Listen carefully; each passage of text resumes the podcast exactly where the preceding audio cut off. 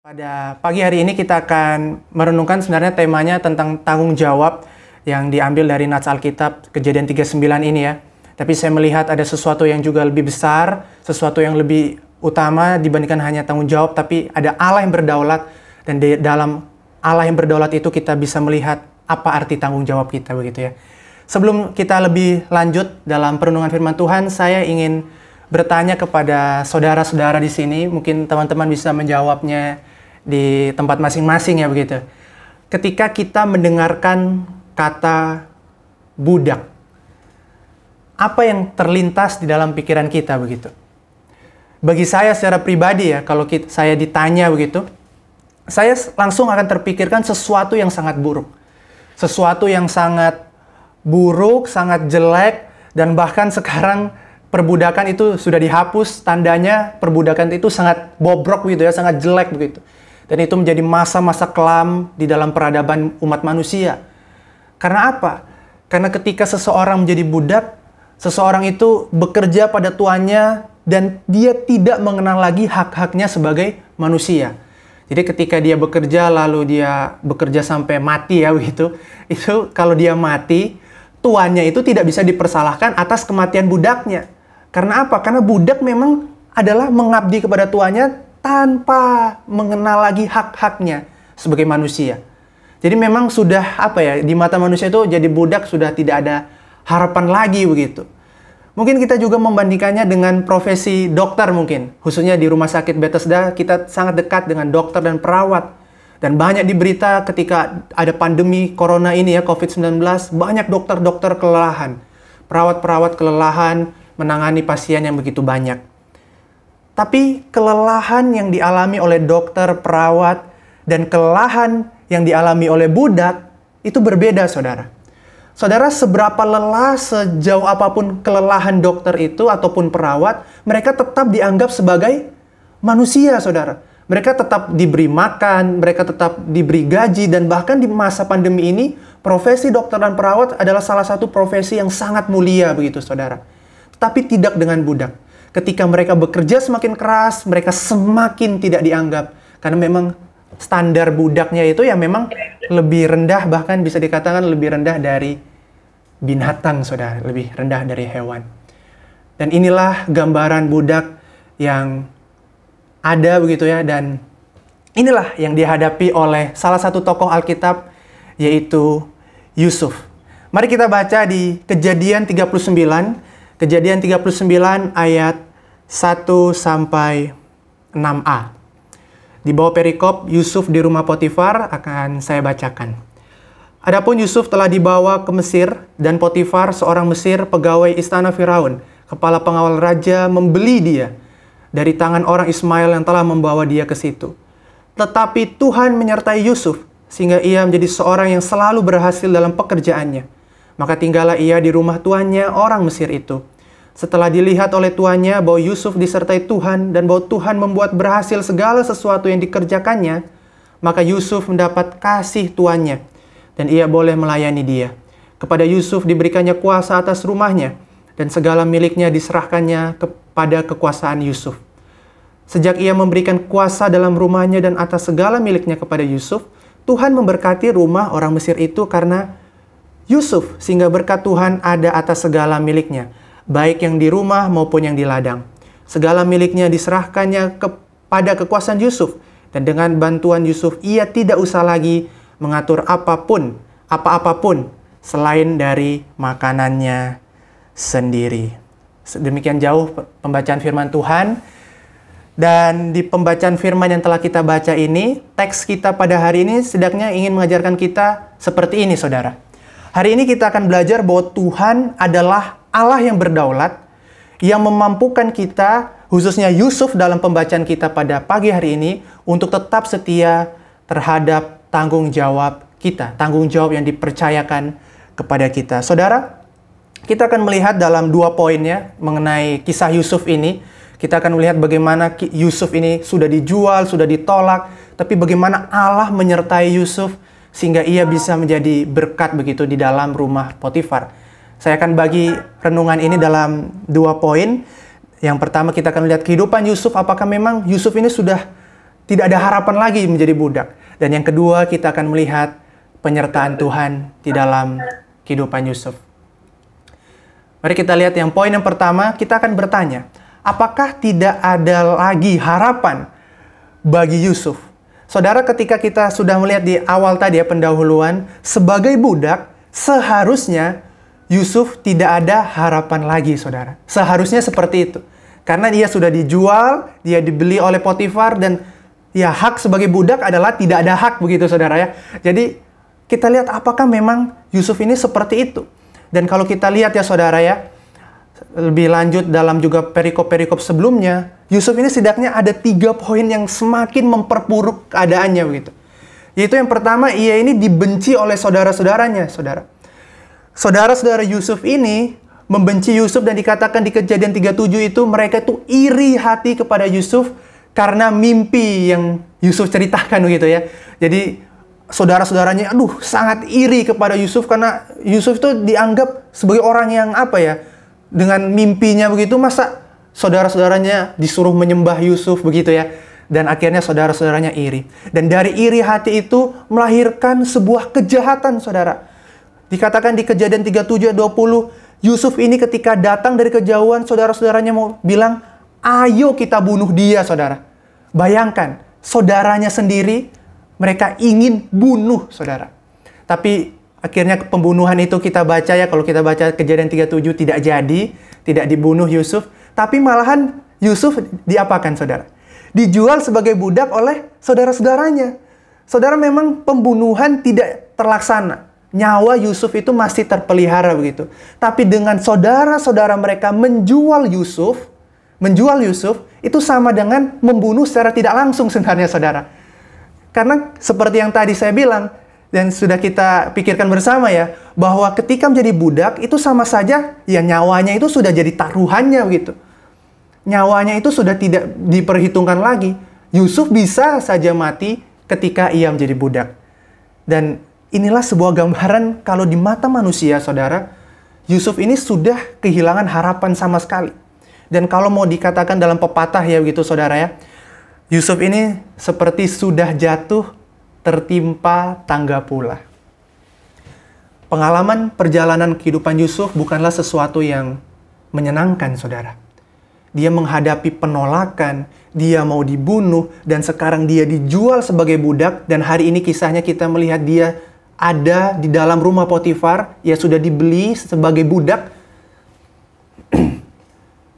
dan ini sesuatu yang sangat menyedihkan loh saudara. Bagi saya orang-orang yang seperti ini, itu ketika mereka mengatakan saya menyerah, itu adalah sesuatu hal yang wajar bagi mereka. Bagaimana tidak saudara, kehidupan mereka ini penuh dengan penderitaan begitu.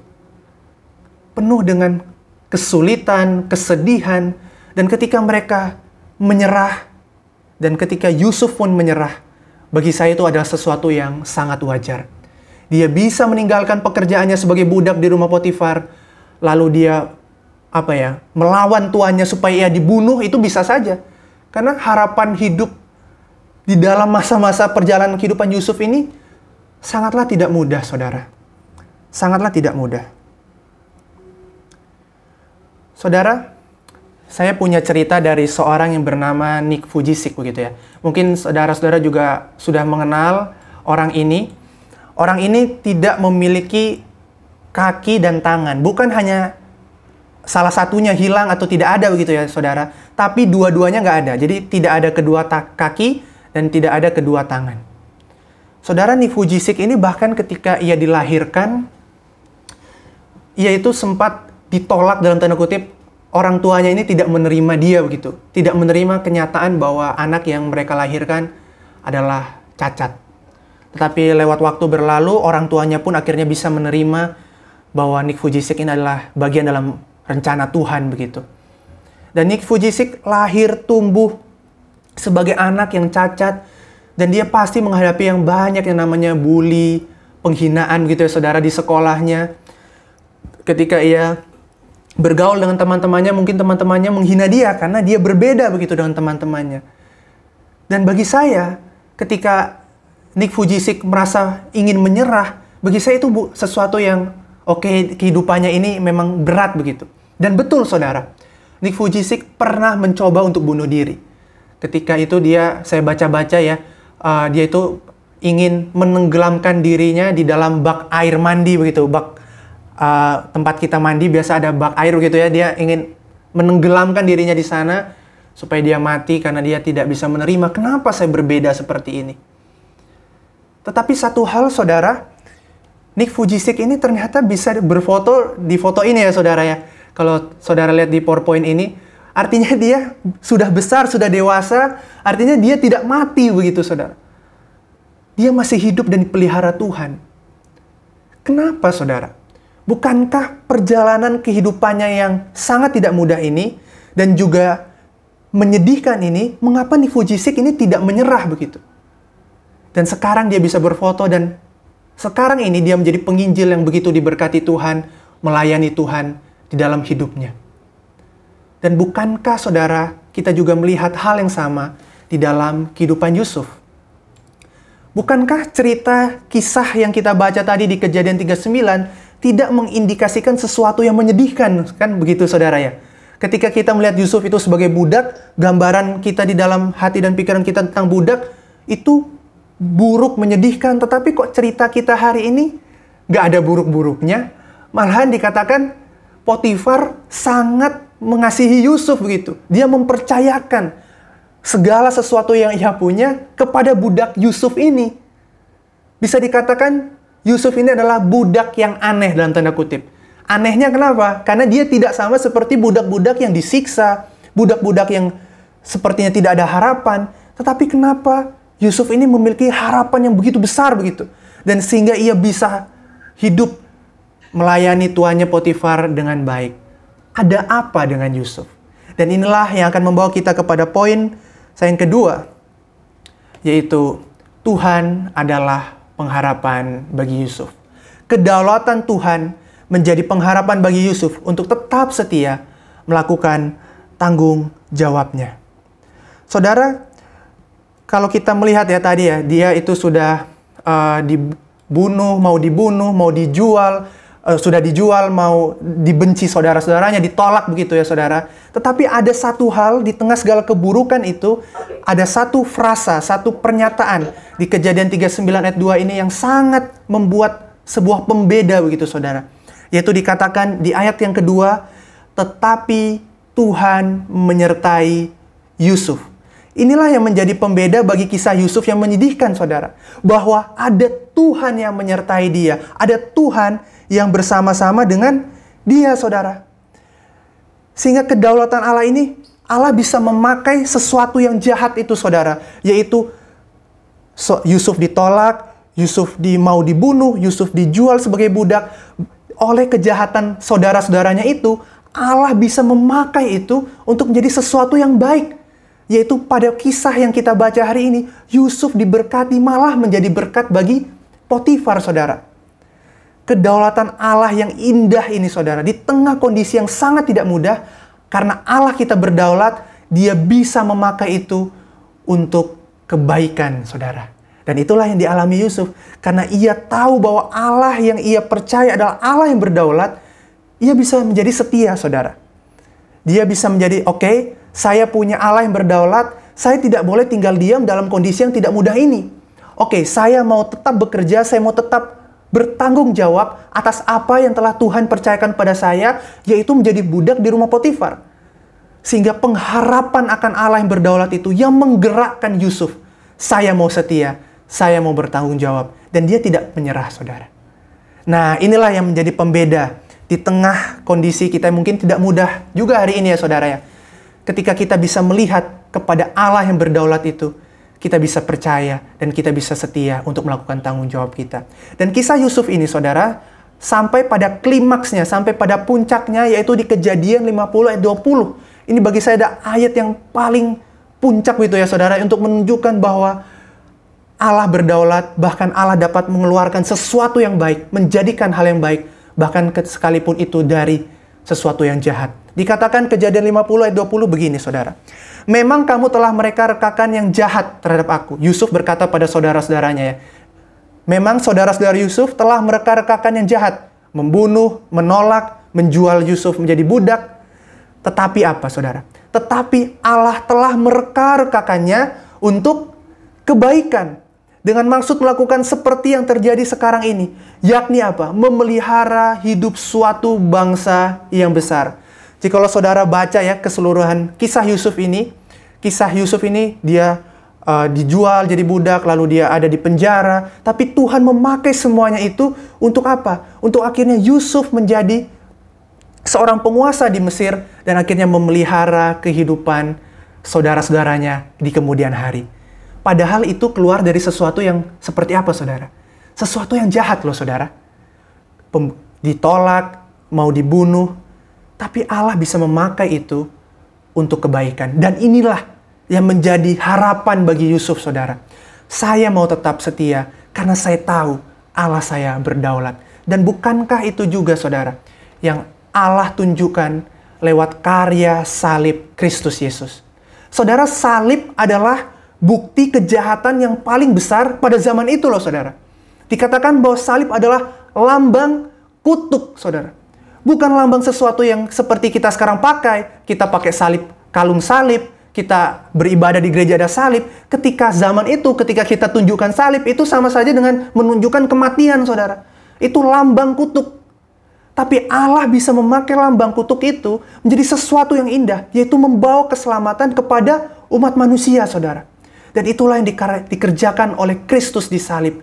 Dan sekarang hari ini saudara kita bisa berharap jikalau sesuatu yang buruk itu, yaitu karya salib Kristus bisa dibuat Allah menjadi sesuatu yang baik.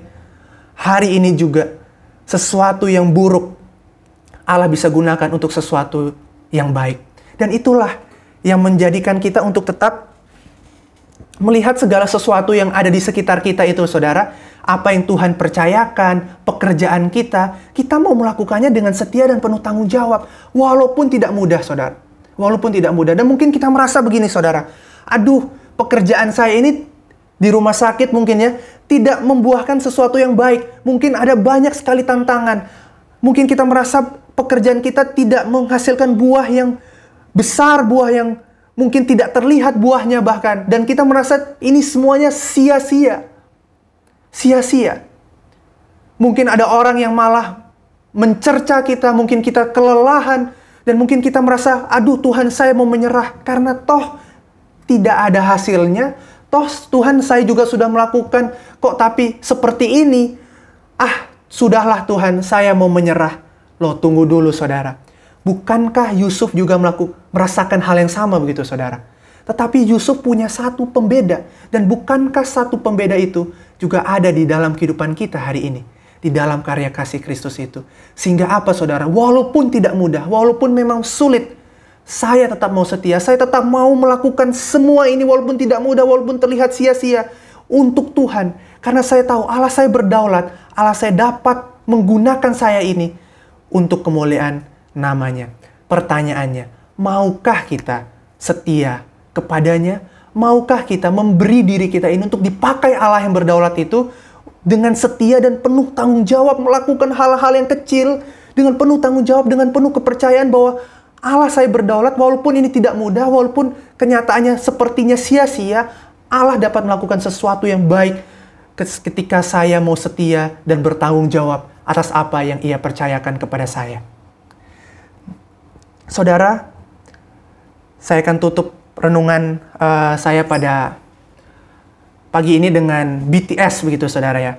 BTS ini mungkin sedang viral sekarang ya viral dengan uh, mungkin kalau saudara baca gitu di internet di berita-berita ada banyak sekali orang-orang yang mengantri dengan di McDonald gitu ya karena mereka sedang kolaborasi begitu dan akhirnya sempat ditutup karena menyebabkan kerumunan begitu ya. Tapi bukan itu ya, tapi ketika kita mengingat BTS mungkin supaya lebih ingat gitu ya yaitu berdoa, tetap berharap, dan setia. Ketika kita menghadapi tanggung jawab kita yang tidak mudah ini, ketika kita menghadapi ada sesuatu yang Tuhan percayakan kepada kita, dan kita merasa tidak sanggup dan tidak mampu, mungkin BTS ini bisa menolong kita untuk melewati itu. Yang pertama apa, saudara?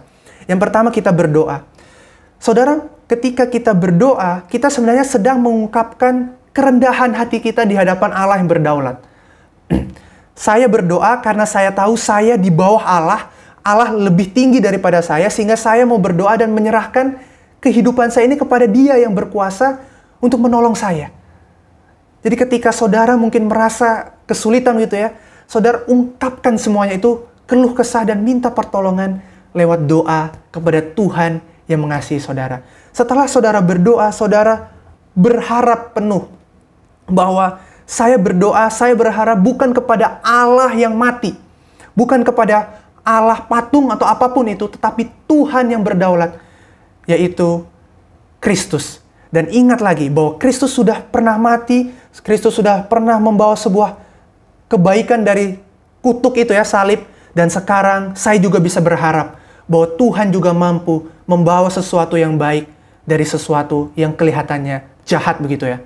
Dan yang terakhir, ketika kita sudah berdoa dan berharap, kita setia melakukan tanggung jawab kita. Kita sudah berharap, oke, okay, saya berharap Tuhan berdaulat dalam kehidupan saya. Saya mau memakai segala kepercayaan ini dengan penuh tanggung jawab. Saya akan melakukan pekerjaan-pekerjaan yang Tuhan telah berikan. Mungkin di rumah sakit, saya menulis laporan di rumah sakit, saya memberikan obat kepada pasien, saya menyuntik mungkin ya uh, obat-obatan atau ter saat-saat tertentu gitu ya, saya kurang tahu, menyuntik pada pasien maupun pasien yang ada di rumah sakit, saya tetap mau melakukan tanggung jawab saya. Makan sehat, makan yang bergizi, minum obat, karena saya tahu Allah juga dapat memakai itu semua untuk alat kemuliaan namanya. Jadi bukan kebalikannya ya saudara, ketika kita tahu, aduh Allah sudah berdaulat, Allah ta, Allah Maha Kuasa, ya udah saya diam-diam saja, tidak seperti itu. Malahan karena kita tahu Allah kita berdaulat, kita semakin semangat begitu saudara untuk setia